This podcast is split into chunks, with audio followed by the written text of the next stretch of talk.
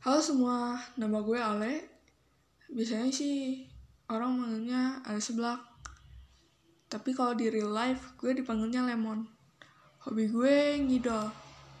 Khususnya sih JKT48 atau orang orang-orang awam bilang JKT48 yang membernya ada 48 Melody, Nabila, Haruka, dan yang lain. Di sini gue mau ngasih opini tentang apa pun.